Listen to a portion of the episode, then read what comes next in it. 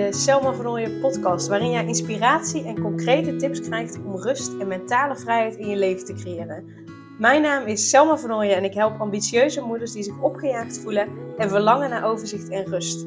Ik help hen overzicht en rust te creëren, zodat hun kinderen zo lang mogelijk kind kunnen zijn, omdat er thuis veel meer rust is. Heel veel luisterplezier.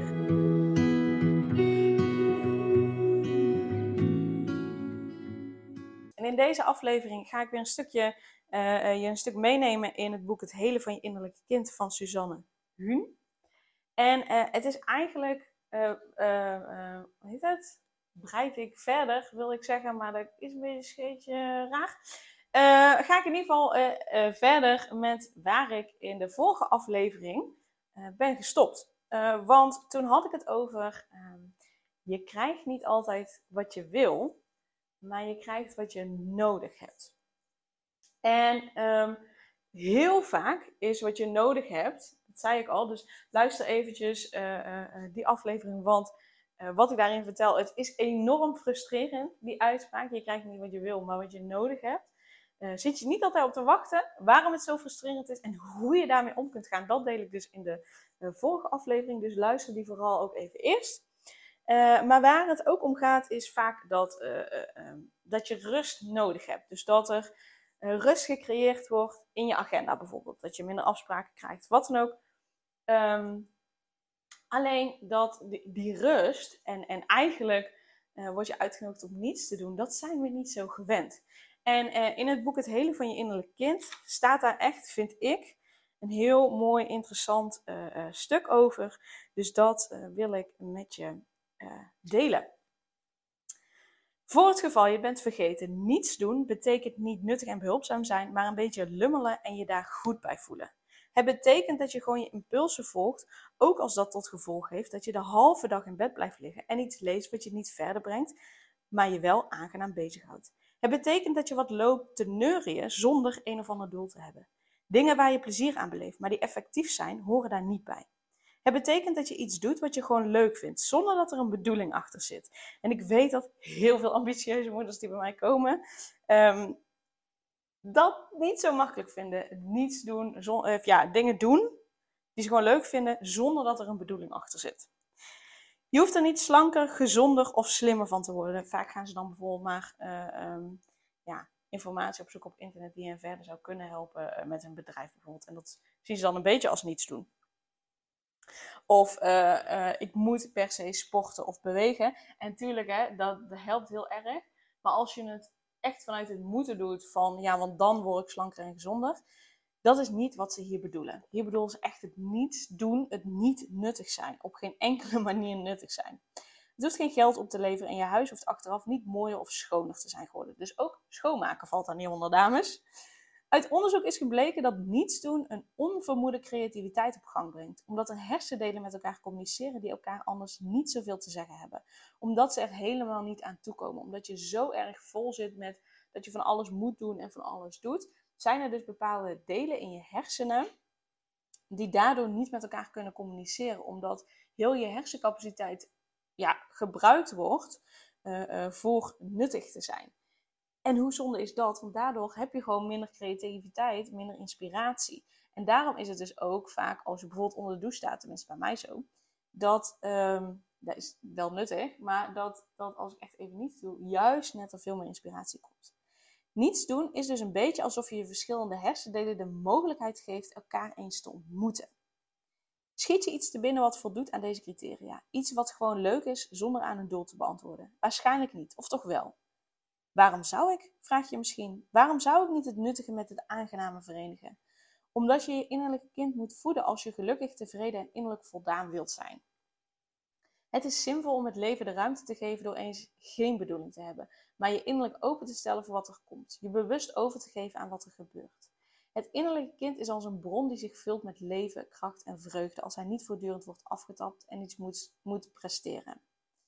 Het wordt gewoon tijd voor je om je reserves aan te vullen. En dat gaat het best als je het leven de ruimte geeft. Want waarschijnlijk heb je die reserves opgebruikt of gebruik je die heel vaak op. Um, waardoor je geen reserves hebt voor, um, ja, voor uh, tijden waarin je die reserves nodig hebt. Jezelf iets toestaan is een daad van overgave. Je laat je batterijen op. Dat wil zeggen dat je intenties, wensen en doelen even loslaat en innerlijk een stap opzij doet. Door te leren weer als een kind te lummelen en te doen waar je zin in hebt, zonder naar het nut te vragen, kan het leven nieuwe banen in je vinden. Het stroomt naar de gebieden die opgebrand en leeg zijn. Door niet te vragen wat het oplevert en waar het toe dient, maar gewoon de tijd te nemen en niets te doen behalve waar je net zin in hebt, keert de natuurlijke vreugde in het leven terug. Je beleeft jezelf weer als een stromend levend deel van het geheel, niet meer als een functionerend radertje in het grote geheel. Heb je geen tijd? Moet je voor de kinderen zorgen, de was, het eten, je werk en de tuin zorgen? Ja, natuurlijk. Maar in eerste instantie moet je voor je innerlijke kind zorgen. Want als dat deel in jou ontevreden, ongelukkig en opgebrand is, valt je al het andere dubbel zwaar. Dus met andere woorden kun je er ook echt minder goed voor je kinderen zijn. Deze stap is ontzettend moeilijk. Je bent het vast niet gewend om ineffectief te zijn. Misschien ben je er zelfs bang voor. Is er vroeger wel eens tegen je gezegd: Heb je niets zinvols te doen? Hang toch niet zo rond? Wees niet zo lui. Wat moet er toch van jou worden? Nou, er is toch iets van jou geworden of niet soms? Waarschijnlijk ben je een beetje werkverslaafd. Bang, uh, ook je voortdurend geïrriteerd voelen kan een uitdrukking van angst zijn. Dat je niet alles klaarspeelt wat het leven van je vraagt. Waarschijnlijk loopt je hoofd af en toe om en moet je je vaker dan je lief is beheersen en alles onder controle houden. Misschien haal je ondertussen een groot deel van je gevoel voor eigenwaarde en je innerlijke zekerheid uit het vermogen om je te beheersen en alles onder controle te houden. Klopt dat? Hmm, dat is mooi. Maar dat is geen gezonde instelling voor een gelukkig, vrolijk en levendig kind. Niet dan? Ik hoop, want ik, ja, ik denk dat ik hier niet heel veel aan toe hoef te voegen. Uh, en ik denk dat de boodschap vanzelf eigenlijk al duidelijk is.